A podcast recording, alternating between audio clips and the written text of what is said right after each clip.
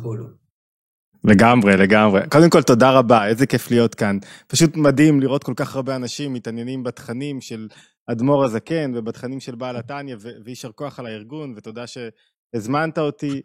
אה, אתה יודע, אבל אני רוצה רגע להפחית את ההתלהבות. כן. שאלה יותר מקדימה היא בכלל, למה? אמרת, כל כך חשוב ליישם את התניא ותכניו, למה בכלל ליישם את התכנים של אדמו"ר הזקן? הרי כל מה שהוא אומר שם, אתה יודע מה? בוא נדבר אפילו על האדם הדתי. כל מה שהוא אומר שם סותר את הטבע שלי, סותר את האינטואיציה שלי, סותר את מי שאני. כל מה ש... הנקודה הראשונה שאדמו"ר הזקן אומר, החשובה ביותר אולי בעיניי בספר התניא, הוא בעצם כשאנחנו אומרים ספר התניא אנחנו מתכוונים לכל הספרות שמשתלשלת ממנו והפירושים לו, וזאת אומרת המאמרים הגדולים. אני חושב שהתניא, אם הוא הספר יסוד, אז, אז אפשר להתייחס לכל מה שנבנה עליו כחלק בעצם מהתפתחות והרחבה של הרעיונות שבתוך התניא. אולי הנקודה הכי חשובה שעולה מתוך תורת החסידות זה שהמציאות שאנחנו חיים והאופן שבו אנחנו חיים, משהו פה לא נכון, משהו פה מעוות, משהו פה לא אמיתי במציאות.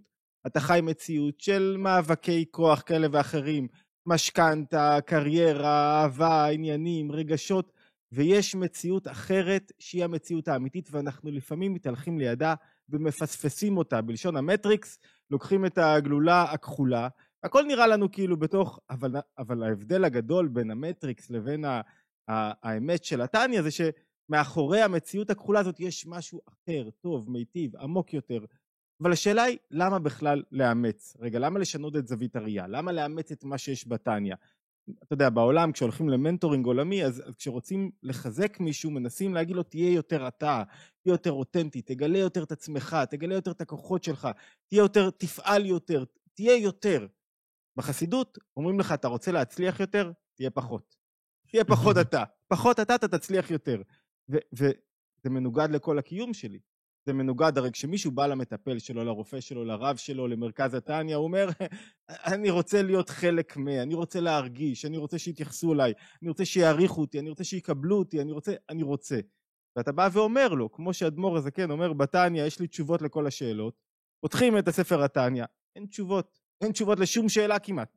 מה הוא עושה? הוא אומר לך, רגע, רגע, רגע, רגע, בוא תחליף זווית ראייה, בוא תראה את החיים אחרת, בוא תהיה פחות אתה, ופתאום ייפתרו לך כל השאלות. פגשתי שבוע שעבר קבוצת כדורגלנים מליגת העל, וזו הייתה חוויה מרתקת. חבר'ה צעירים, 21, 23, ויש כמה דברים שאתה יודע, שמטרידים באופן יסודי כדורגלן. כי, כי בספורט כל האתגרים שיש לנו בחיים מגיעים, כאילו, מופיעים בווליום גבוה יותר. חלק מהדברים זה, רגע, למה המאמן לא מעלה אותי למגרש למרות שאני חושב שאני טוב יותר ממישהו אחר? או למה אני פתאום חווה, רגע, עשיתי איזה טעות קטנה, בעטתי את הכדור לא במקום, פתאום אני 20 דקות קופא על המגרש. אני רץ, אבל חי חוויית אגו שמשתלטת עליי, ואני לא מצליח לעשות שום דבר. וכאילו, אחד הדברים הכי חזקים שהם רוצים, איך אנחנו נרגיש יותר את המגרש, איך, איך נפעל יותר. והסוד הוא, לפני שהם מלמדים איך ליישם טניה, זה לשכנע את עצמנו. וזה הדבר הכי משמעותי והכי חשוב, אני חושב, בתחילת ההבנה של התניא, זה לשכנע אותנו שתניא זה האינטרס של האדם, זאת אומרת להיות פחות הוא, זה האינטרס הגדול ביותר שלו, שיביא אותו להרבה יותר הצלחות, ויביא אותו להרבה יותר חוויית חיים מאושרת וצמיחה ו- והרגשה וחוויה זוגית טובה יותר וחוויה הורית טובה יותר, ואפילו גם אם הוא לא חי בתוך זוגיות, אפילו הלבד שלו יהיה לו לבד. זאת אומרת, ש... אם אנחנו מדברים על האתגר המרכזי של האדם, זה שהוא כזה רוצה להרגיש, רוצה להיות, רוצה יותר, הוא, מה שספר התניא מלמד, זה תהיה פחות אתה, פחות תסבול מרגשות לא רצויים, תחבוא, פחות תסבול ממתח, אתה פחות תסבול מקשיים. התענוג שלך אפילו יהיה יותר גדול שתלמד לא להיות במרכז, שתלמד להבין שיש מציאות אחרת, שהיא המציאות האמיתית, מה זאת אומרת אני לא מציאות אמיתית? אם הבורא בורא כל רגע מחדש, והוא גם מהווה אותו ומחדש אותו, זאת אומרת שאם הוא מהווה אותי ומחזיק אותי עכשיו ככה, זאת אומרת שאני לא באמת מציאות אמיתית. ו- ואם אני מתעקש להיות אני, אני מפספס את החוויה, את התענוג הגדול ביותר שאפשר למצוא בתוך החוויה הזאת של התמזגות, של חיבור, של אחדות. אתה יודע, הרבה פעמים אנשים מדברים על, אמ, על, על, על מוסר ואת כאפיה, ואם תבדוק, נכון שהתקפיה זה עיקרון מאוד מאוד גדול, מאוד מאוד חשוב, אבל אם תבדוק במאגרי מידע ותעשה השוואה, תראה שהמילה תענוג מופיעה בספרות החסידות לאין ארוך מכל מידה אחרת. לאין ארוך היא הרבה יותר, הרבה יותר משמעותית ודומיננטית. היא מנסה להגיד לנו, כאילו קודם כל אני מנסה לשכנע אותך. אתה רוצה לחוות חיים של תענוג אמיתי, חיים של שחרור ממתח, מלחץ, מסטרס, חיים שבהם אתה רגע זורק את זווית הראייה הרגילה, שנשים כל העולם כל הזמן, יש איזו אמירה של אדמו"ר הזקן בקצרים שלו, כל העולם נלחם כנגדך, כל העולם מנסה, תחיה ככה, תהיה ככה. אם אתה מצליח רגע אחד להחליף את זווית אתה לא צריך לצאת מתוך העולם ולהתבודד באיזה מדבר. אתה, אתה, מספיק שאתה מחליף את זווית הראייה, ופתאום רואה את המציאות אחרת, פרצת, סדקת את תוך ההיעלם וההסתר שלך, ופתאום אתה חי, קראנו לזה חוויית חיים, אתה חי חיים אחרים, חיים של התמזגות וחיבור ואחדות, והרבה פחות סטרס ולחץ, ואתה יודע מה, זה לא אפשרי כל הזמן, אבל כשאתה תואם את זה פעם ב, כשפעם ב זה מבליח לך, יש המון אמצעים, תכף נדבר אולי בכמה דקות איך מיישמים, אבל כשפעם ב זה ככה קורה, וואו, איזה תשוקה ואיזה מתיקות, ו- ואני לא רוצה שום דבר אחר, כי, כי בעצם מי שמקשיב למקצב של אדמו"ר הזקן, מדבר בקרירות, הפרקים מאוד לוגיים, אתה יודע, כל פרק שם מאוד לוגי, הדרך בעיניי ללמוד טניה זה לשאול מה השאלה שהוא מנסה לענות עליה בכל, מה הבעיה שהוא מנסה לענות עליה בכל פרק, מה הבעיה שמעסיקה את האדם, והפרקים מאוד לוגיים, אבל מאחורי הפרי, הפרקים אתה שומע את, ה, את הקצב שלו, את, ה, את, ה, את, את הדופק הלב שלו, ואתה רואה שהוא רוצה למלא אותך בתשוקה, תשוקה לחיים, והתלהבות, והתרגשות, וחיות, וכל זה אפשרי רק כשאתה פחות אתה. רק כשאתה פחות מלא ישות, רק כשאתה מצליח לראות מציאות אחרת שבה לא אני, זה העיקר. וככל שאני יותר אני, ההישגים, הספרים, הכסף, מה שלא תעשה יגרום לך לחיות פחות. עכשיו השאלה היא, איך... עכשיו לא... השאלה המתבקשת, אז איך עושים את זה? אז איך מיישמים, טניה? איך מיישמים את זה? ממש ככה. אז תראה, אני חושב שבאמת לשכנע את עצמך זה עניין מאוד מרכזי, כי בלי זה אתה כל פעם... רגע שואל, אז מה איתי? אתה שואל מה איתי, אתה מפספס, כאילו חלק מהקטע זה להחליף מבנה שאלות, אבל בואו נראה רגע כמה נקודות שבעיניי הן קריטיות בלימוד טניה ובהבנה של איך אני יוצר שינוי בתוך החיים שלי. הנקודה הראשונה והחשובה ביותר, שמה מה שספר הטניה מציע לנו זה להכיר את הנפש לעומק. זאת אומרת, להכיר את המבנה של הכוחות, להכיר את המחשבות, להכיר את כוח התענוג שלי, להכיר את מה שקורה לי בפנים. אדם שלא מכיר את עצמו, לא יודע מהם המרכיבים של העולם הנפשי, מהם הכוחות השונים שפועלים בו, אין לו סיכוי בעצם לקבל את המפתח ליצור שינוי. כל שינוי שלו הוא זמני, הוא חלקי. זאת אומרת, למה חייבים ללמוד כל הזמן? ככל שתעמיק יותר באנטומיה של הנפש, תבין אותה טוב יותר, תבין מה קורה לך, למה אתה פתאום בכעס, למה בעצבות, למה אני מבואס, איך זה יכול להיות וזה כל כך טבעי, תיארת מקודם מקרה מדהים, איך זה יכול להיות ש, שאני אומר, לומד, מסכים, שאסור לשון הרע, שזה לשון הרע מחריב לי את המציאות, פוגע לי, אהבת הזולת, זה מדד כל כך חשוב, אהבת האחר, ופתאום מישהו עושה לי משהו הכי קטן, אני מוכן לקפוץ עליו. איך זה יכול להיות שמישהו למד שער האיכות והאמונה? אתה יודע, קל להשליך את זה על מישהו אחר. אנחנו, לומד שער האיכות והאמונה. אין מציאות מלבד מציאות הבורא. אין עוד מלבדו. זה לא שאין בורא אחר מלבד הבורא, זה שאין מציאות אחרת. אין מציאות אחרת, זאת אומרת שהוא בורא כל רגע בשבילך. אז איך אתה יכול להיות שאתה בא ואומר, רגע, אני בסטרס, מה יהיה? הרי, הרי בורא את המציאות הזו בשבילך, רגע אמרת, אין מציאות אחרת מלבד מציאות הבורא. איך אתה יכול להיות בסטרס? זה הפוך. וההבנה הראשונה שצריכה להעמיק בתוכנו, זה להכיר איך הנפש בנויה, ואיך היא בנויה, וזו אולי התרומה הגדולה ביותר של אדמו"ר הזקן, החיד... הוא קורא לעצמו הרי ליקוטים, אני רק מלקט רעיונות, אבל בעצם כל פרק שם הוא חידוש בהבנת, ה... בהבנת הנפש, ובהבנת הבורא, הקשר בין הבורא לבריאה, אלה שני גופי הידע המרכזיים בתניא. ואז החידוש הגדול ביותר זה להבין את היקף הקרב שמתנהל בתוכי, את עומק, רוחב הקרב, המשך שלו. ככל שאני מבין, מצליח לראות מה קורה בי במפנים, אני לא מופתע. אתה מדבר על ההוא, אני יכול לצאת משיעור. נפלא לדבר בשבח העולם ובשבח אהבת הזולת ורגשות חיוביים ופתאום מישהו ילחץ לי על, על, על יבלת והמרוקאי יוצא לי ב-180 קמ"ש, אין, אין הנחה. והמבחן הוא, כמה מהר אני אחרי זה חוזר, מתעשת, מתאפס, מבין את הסיטואציה, לוקח את הישות שלי, את האגו שפתאום התפשטה ומחזיר אותה לאחור. וככל שאתה מבין את המאבק הזה, אתה פחות, לא רק לא מתבאס ממנו, לא רק לא מתבאס מהנפילות שלי, מזה שפתאום נפלתי לעצבות, או לחרדה, או לדאגה, או לסטרס, זה לא רק שאני לא מתבאס, אני, אני מתמלא שמחה מה, מהמאבקים הללו. אני מבין שהמאבק זה העניין. זאת אומרת, יש איזה קטע מאוד חזק בתניא, אתה יודע, אולי נדגים אותו רגע לספורט, כשאתה מדבר עם הכדורגלנים, אף אחד לא העלה את השאלה למה אני צריך לנצח. מה זאת אומרת, איזה שאלה טיפשית זאת, למה אתה צריך לנצח? זה היה קטע מאוד יפה במונדיאל, בטח לא ראית, אבל כששאלו, עשו סקר בארגנטינה, את, את תושבי ארגנטינה, מה אתם מעדיפים לפני הגמר? שימו לב, מה אתם מעדיפים? מסי, אמ, אמ, מסי אתה מכיר, מסי זוכה, זוכה במונדיאל, או האינפלציה שהיא שם משתוללת, ואתה יודע, האינפלציה, אתה מרגיש את זה, או שאנחנו מצליחים להפחית את האינפלציה. רוב מכריע הצביעו בעד מה? המונדיאל, ניצחון המונדיאל. כלומר, בוא'נה, אנשים, אתם לא נורמלים, מה אכפת לי ממסי? מה אכפת לי, כאילו, מה אכפת לי מסי? מונדיאל היה לי שקל, היום הוא שווה חצי שקל, האינפלציה שוחקת לי את הכסף, אני, מה זאת אומרת? כאילו, ברור ש, שמה ש... כאילו, מה מעניין אותי? הכסף שלי. יש משהו שהוא למעלה מהתועלת אפילו. הוא גילוי כוח הניצחון. כשאתה מגלה את כוח הניצחון, אתה מגלה, רבי אומר את זה בתשכ"ט, 1969, אתה מגלה כוחות עצומים, אוצרות, אוצר פנימי, שאתה מוכן להוציא אותו, אוצר פנימי בתוך הנפש, והאוצר הפנימי הזה שהוא בתוך הנפש, זה, זה קראנו לו חוויית חיים, זה, זה הממש שאתה חי את החיים במלואם, אתה לא חי אינטרסים, אתה לא חי תועלות, זאת אומרת אני רוצה לנצח בשביל לנצח. למה? לא רק כדי להיות בן אדם טוב יותר, לא רק כדי להיות בן זוג טוב יותר, זה על הדרך, לא כדי להיות איש עסקים טוב יותר, לא רק לשפר את הביצועים שלי.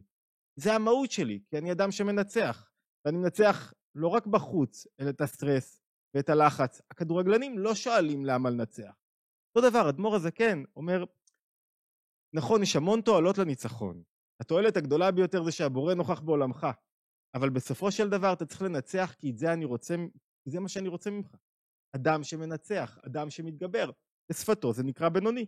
אחד המשפטים שאני הכי אוהב בתניא, הוא אומר, ואל תתבאס, אל יפול לב האדם עליו, ואל יירא לבבו מאוד, אל תגיד, וואו, איזה באסה. גם אם יהיה כן כל ימי חייו במלחמה הזו. זאת אומרת, כשאתה מבין את אופי המאבק, ואתה מבין שהוא מתקיים כל הזמן, ואין ממנו פנסיה, אתה רוצה לחיות בשביל המאבק, בשביל לנצח, בשביל להגיד בואנה ראיתי איזה מחשבה לא טובה שזינקה עליי ואני מבין אותה, אני מזהה אותה, אני מסמן אותה, אני לא נותן לה מקום בנפש, איזה כיף. אני מבין את הסטרס שעכשיו בא אליי, אני מבין שהיה לי קפדה על השכן שלי, רציתי לרצוח אותו בגלל משהו, אני מבין את זה, קולט את זה, מזהה את זה בתוך הנפש שלי, ומחייך ואומר יחיאל, התגברת. מבין שאני מבואס שפתאום החודש לא נכנס לי, או שיצא לי יותר מה שצריך, ופתאום אני ב... ב, ב לא יודע איך להסתדר החודש, ובא לי מפה ומשם, מתחיל לי טרדת הפרנסה.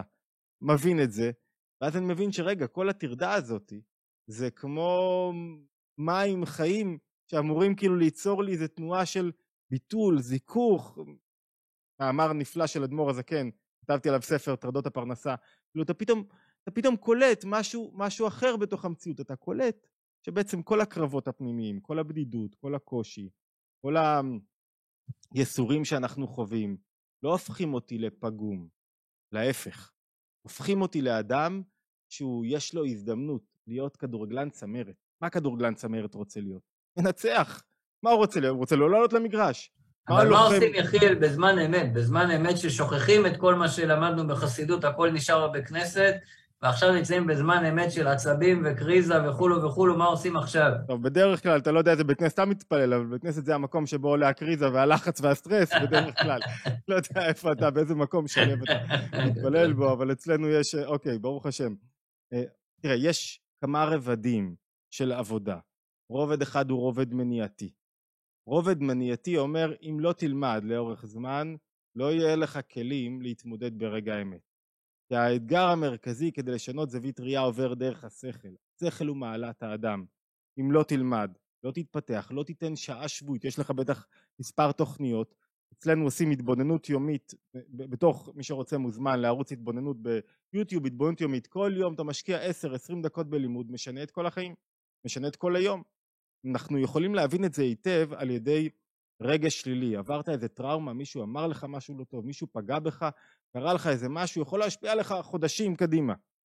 לחיוב יכול לעבוד לא פחות טוב. אז אחד זה לימוד, שתיים לימוד באופן מסוים, לימוד באופן של מה זה נוגע לי. אי אפשר ללמוד שום פרק בתניא בלי לשאול מה זה אומר לי בחיים שלי.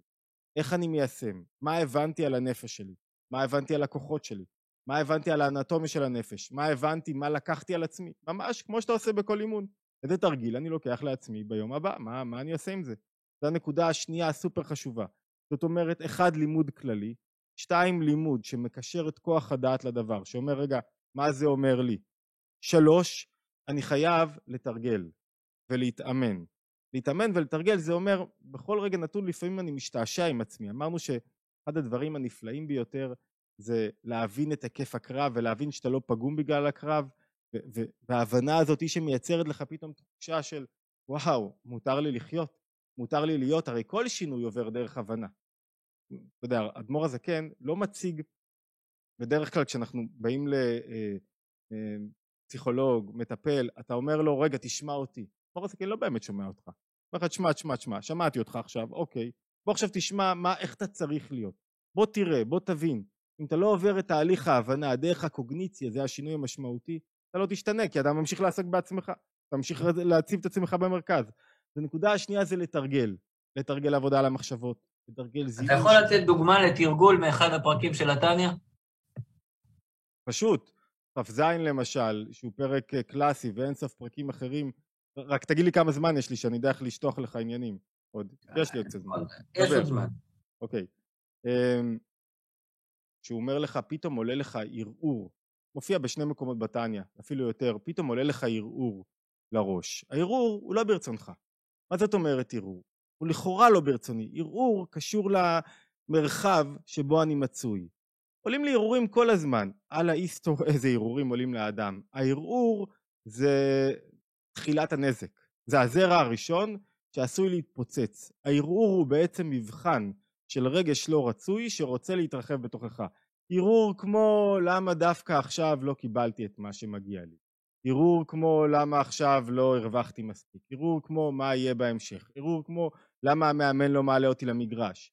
סדרה של ערעורים שקופצים לי. כל רגע נתון, הרי המחשבה היא כל הזמן בתנועה.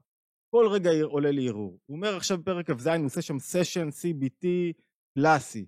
הוא אומר, טוב, זה רגע האמת. אתה יודע, להבין שמשהו רגע האמת, מאני טיים זה ההבנה משנת חיים. אם אתה לא מבין שזה רגע האמת, מה אתה אומר? טוב, אני אתמודד עם הערעורים שלי אחר כך, תן לו להיכנס. קלטת שזה רגע האמת, קודם כל אתה צריך לזהות את הערעור. אם לא תזהה אותו, הוא יתפשט. ההבדל בין ערעור למחשבה זה מחשבה כבר בחרתי בה. נתתי לה מקום, נתתי לה להשתרש בתוכי. אני מבין את הערעור, מזהה אותו, רואה שפתאום קופץ לי עכשיו ערעור, רגע, ההיא חיבתה את המצלמה בגלל שאמרתי משהו לא בנכון, אז כנראה אני לא מדבר יפה ולא אוהבים אותי. אני קולט שהערעור הזה כל כולו הוא סביב עצמי ולא סביב התוכן שלי. עכשיו אני אומר, בואנה, הערעור הזה, כל מה שהוא מבקש זה להיות, אה, להשתלט עליי. מה הדבר הבא שאתה צריך להגיד לעצמך? האדמו"ר הזה כן אומר את זה בצורה נפלאה. עכשיו תהיה בשמחה גדולה.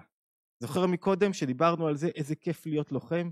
איזה כיף להיות לוחם, יש לך הזדמנות, הנה, באה איזה קליפה, איזה משהו חיצוני, איזה משהו שמנסה להוריד אותך למטה, העולם בא ומנסה למשוך אותך לתוכו, האינטרנט, החדשות, התרבות, הנדסת תודעה, כולם מנסים לגרור אותך לתוך עולם שבו תפתח, אתה יודע, אתה פותח את ה... לא משנה איזה ערוץ חדשות, אתה מקבל איזה וואו כזה, יואו, איזה מציאות אני חי, זה, זה ממש לא נעים ולא כיף ולא הכל מאבקים, הכל מלחמתי, הוא צודק, זה צודק, עזוב אותי, תן לי לחיות חיים אמיתיים. רגע, הוא אומר, רגע, אל תהפוך את הערעור הזאת למחשבה, לוט את זה, תהיה בשמחה. אתה יודע, מי שלא קולט טניה, נראה לו שהעולם מלא רשעים והרשעים בו שולטים והרוע בו גובר והעולם כאילו חסר סדר, אבל בפנימיות שלו הוא מלא סדר. אז אתה קולט ושמח על ההזדמנות הזאת, רגע, לייצר איזה מאבק ושינוי, ועכשיו זה פשוט. בסשן הטיפולי שלו. עכשיו אתה צריך לקבל קודם כל החלטה של לא זה לא. החלטה של לא זה לא, מחשב, הערעור לא הופך אצלי למחשבה, זה החלטה שקשורה לכוח הניצחון שדיברנו קודם לכן. רובנו מתענגים קצת על אה, להיות במחשבה הלא רצויה, בקורבנות, למה? כי כיף לי להיות ישותי, אני רוצה להיות במרכז. אני מתענג על זה קצת, יש בזה המון, המון חיות בעצם שהיא לא נכונה. אז אתה צריך להגיד, לא, זה לא בשתי ידיים, הוא אומר לדחות את הערעור. מה הכוונה בשתי ידיים? אתה מבין את הנזק שהערעור הזה עתיד לעשות לך. הוא הולך לקחת לך באמת את היכולת להחליף את המשקפיים. הוא עומד להחזיר אותך להיות במרכז. אתה פתאום קולט את הנקודה הזאת, ואתה אומר, לא רוצה, לא רוצה את זה. לא רוצה את זה בתוך החיים שלי. לא רוצה את הדיבור הזה, הוא לא יועיל לי. לא רוצה את זווית הראייה הזאת, לא רוצה לקנא בשכן שלי שהוא בנה עוד בית. לא רוצה ש, שאני מתבאס שלא קיבלתי את האוטו כמו של האחר. לא, כי אני יודע מה זה יעשה לי. עוד שנייה, כרגע זה כיף לי. עוד שנייה, אני אשלם על זה מחיר. לא רוצה את החיים הללו. ומה הדבר הבא שהוא מציע לך? טוב, אי אפשר בלי חלופה. צריך להציע חלופה למחשבה הלא רצויה. מה החלופה למחשבה הלא רצויה? צריך שיהיה לך בנק של מחשבות טובות, מחשבות טובות הן מחשבות ממוקדות, שקשורות לחיים שלך, שקשורות לתוכן אמיתי. אתה אומרים בשפה היותר תורנית שאדם צריך ללכת עם, אה, עם אותיות, משנה, תורה, טניה, שיהיה לו אותיות בראש, שיהיה לו סוגיה שמעסיקה אותו, שיהיה לו משהו שהוא הולך איתו. למה? מה נותן לו המשהו הזה? תן לו כאילו צידה לדרך שכשפתאום באים קרבות, לא, לא, לא, לא, עכשיו יש לי מרחב מוגן שבתוכו אני נמצא, סוג של תיבה שמגנה עליי מפני כל הדברים הרעים. וראית, אני, אני רגע מסכם את מה שאמרנו עד עכשיו, אמרנו איך מיישמים? אחד לימוד מתמיד, הלימוד צריך להיות בחלקו עיוני, בחלקו באופן של מוריד את זה למטה, העיוני יוצר פרספקטיבה רחבה, מוריד את זה למטה איך זה נוגע לי, שתיים, אימון על המחשבות ועל כוח הנצח בנפש, כוח הנצח בנפש, אני שייך לניצחונות. אתה לא תגיד לי אני שייך ל... נכון שאני הייתי בדיכאון שנה ולא יצאתי מהמיטה, אבל בעצם אני שייך לניצחונות. נכון שקשה לי, נכון שאני מתמודד עם סטרס, נכון שאני שונא את כולם, נכון שלא בא לי, בעצם אני שייך למקום יותר גבוה. למה? כי יש לי חלק אלוקא ממעל ממש. ואז אחרי שאתה מבין ומתאמן לאט לאט, ועוד קצת, ועוד קצת, ומתוך כל נפילה לומד על עצמך, מבין, פחות עוסק בעצמך, אתה עולה לשלב הבא. השלב הבא, השלב היותר גבוה בנפש, הוא שלב של לעורר תענוג בחיים. ותענוג במה שאתה עושה. תענוג, יש לו בו משהו מיוחד, שהוא מצליח לפרק את כל המעקשים הרגשיים ואת כל זווית הראייה הקלוקלת שלנו בלי הרבה מאמץ. זה כמו, אתה יודע, הרב וכטר, הוא אה, משפיע שלי ויהודי יקר ומשפיע יקר, אחד הדברים שהוא אומר, רגע, אתה רוצה טיפה, אתה מוכן להשקיע הרבה בשביל התענוגות חיים שלך. לנסוע לצימר בצפון, זה, זה כאילו להשקיע בסטייק שלך, להפוך אותו חמש פעמים, ובוא ננסה רגע להשקיע בתענוג יותר גבוה.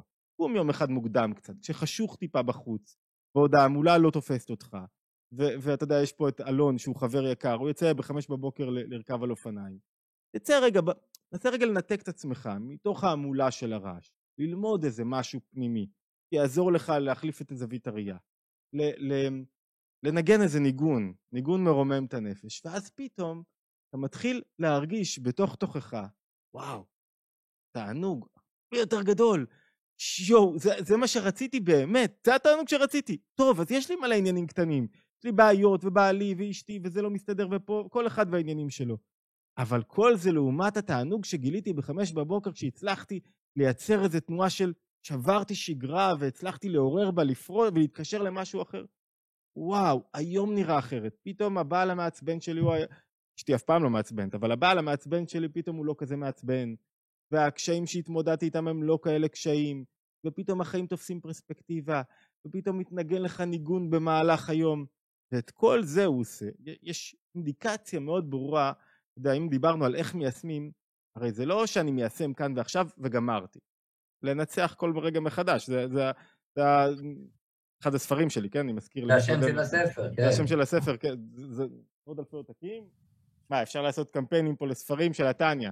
על התניא ועל העבר שלו. אנחנו רוצים שילמדו תניא, בשביל מה אנחנו פה? אוקיי, ועל ההיסטוריה שלו. מה הספר יצא? כדי שילמדו.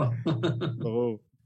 אמ, ואם אתה מצליח להבין רגע, לעשות את שינוי זווית הראייה, פתאום, בלי שפתרנו כל כך הרבה בעיות בחיים, בלי שדיברתי כל כך הרבה על הקשיים שלי, החלפתי את זווית הראייה, ואמרנו שיש כמה אינדיקציות, אתה יודע מה? שתי אינדיקציות משמעותיות שהאדמו"ר הזה כן מציע, שהן מעידות על כך שבאמת אנחנו במסלול הנכון. כי זה לא שניצחתי אחת ולתמיד, אין כזה דבר ניצחתי אחת ולתמיד. עכשיו ניצחתי, היית ליד חבר טוב, בן אדם נפלא, עוד רגע אני יכול ליפול. ואתה יודע, יש סוד כזה שאנשים אומרים, אתה בטח גם נתקל הרבה אנשים אומרים, בואנה, פעם ניצחתי את זה ביותר קלות. אומרת, נגיד בתחילת התשובה שלי, באיזה שלב מסוים, במקום מסוים, היה לי יותר קל, היום יותר קשה לי, וזה נכון.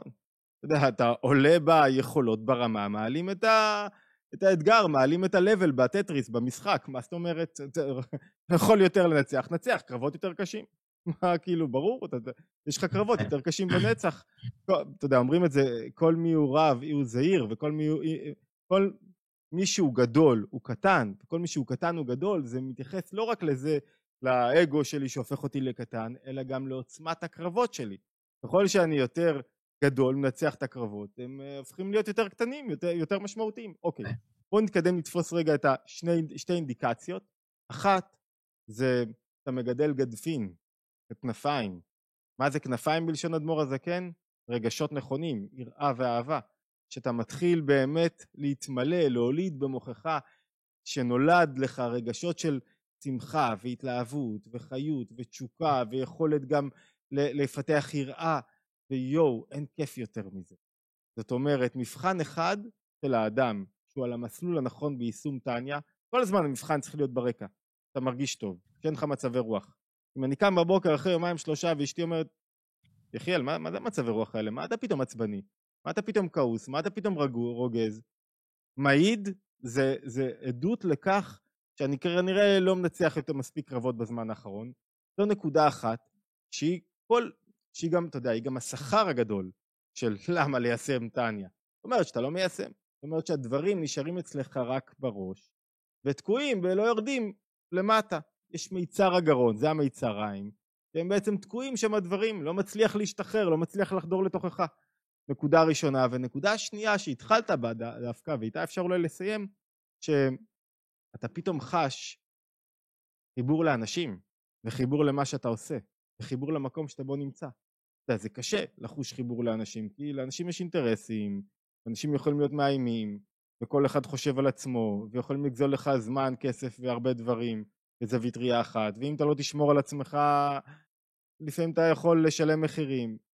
בה בעת כשאתה מחזיק את זה, אתה יכול להחזיק גם תחושה של קרבה גדולה מאוד לאנשים. שלך טוב, ושינית את זווית הראייה, אתה פתאום מתהלך ברחוב, אתה אוהב אנשים, בא לך לחבק את כולם, בא לך לתת להם. טוב, אתה יודע שאתה יכול לתת מה שאתה יכול לתת, אבל כיף לך, כיף לך לראות אנשים. אתה מצליח להבין, אם קשה לו והוא כעוס, אתה מצליח להבין למה הוא כועס. פתאום מצליחה להבין למה יש לה כל כך הרבה משברים וקשיים והתמודדויות. מבינה אותה, ואת אפילו אוהבת אותה, ואת לא שופטת אותה על זה. ואת לא רוגזת על זה. וזה פתאום מייצר אצלי איזה חיבור מאוד גדול לאנשים, כי הרי מה בסוף המשימה? אם החלפת משקפיים, התולדה של זה, לא סתם אתה מרגיש טוב, התולדה של זה ליצור אחדות, לגלות את קווי האחדות בתוך המציאות. מה הם קווי האחדות בתוך המציאות? חיבור רגשי, שכלי, בין אנשים, חיבור במשימה, חיבור בעבודה שלנו. וזה מסר מאוד גדול שהרבי מלובביץ' מדגיש אותו כל הזמן. לא יכול להיות שנדב, ולכן אולי בגלל זה נדב, הרב נדב, תיאר קודם לכן את המוטיבציה שלו לראות אנשים לומדים. לא יכול להיות שלא יהיה טוב, יהיה לו בית נפלא, וזוגיות נהדרת, ויחסים טובים, ופרנסה טובה, ולידו השכן שלו יהיה מלחמות, מאבקים, קשיים, סטרס, ו- ו- ובאמת יישאר לו טוב. לא יכול להיות, יש חיבור בין כולנו. זאת אומרת, לא יכול להיות שלך יהיה טוב ואתה מנותק. הרמב"ם אומר את זה, לא יכול להיות שאדם אוכל בסעודתו ו- ונהנה מהסעודה שלו, ובחוץ יש עניים שהם סובלים. זה נכון בעולם הגשמי, לא יכול להיות שלך יהיה כל טוב ואתה לא נותן, כופים אותו אפילו לתת, וזה נכון בעולם הרוחני, אפילו יותר, כי, כי רובנו, היום אנחנו חיים ככה בחברת השפע הגדולה ביותר אי פעם. זאת אומרת, לא רוצה להיות שופט למרות כל מיני מחקרי העוני, אבל עיקר הבעיה היא רגשית. מי שיש לו יכולת להתעלות מבחינה רגשית, לנצח את המאבקים שלו, גם ימצא את הערך שהוא נותן לעולם. אם הוא ימצא את הערך שהוא נותן לעולם, הוא גם יקבל כסף על הערך הזה. אם יקבל כסף הוא לא יהיה בעיה כספית, אלא אם כן הוא ככה מופקר לגמרי ו- ו- ו- וזה חלק מההחלטה. כמובן שתמיד יש אנשים שצריכים יותר לדאוג להם, אבל באופן כללי בחברה כזאת, ולכן צדקה רוחנית, זאת אומרת, קידום הרעיונות, אמון של כל אחד בעצמו, בערך שלו ובערך של הזולת, ופרגון אחד לשני, ויצירת, ואולי הדבר הכי יפה שאתה עושה כאן, אני חושב, זה יצירת קהילה. יצירת קהילה, מהי במהותה, שאחד רואה את השני, מחליפים רעיונות, משתפים, עוזרים אחד לשני עד כמה שאפשר. אף אחד לא רוצה להיות נזקק. יש הבדל עצום בין שותפות לבין נזקקות. כל אחד, אם אני יכול לתת משהו, אני נותן משהו, בסופו של דבר נתתי ערך, אני אקבל על זה כסף. זה חלק מקהילה שנוצרת. אני רוצה... רק סוגר משפט, שקווי האחדות האלה מתגלים במציאות, זה בעצם הנכחת הבורא בתוך...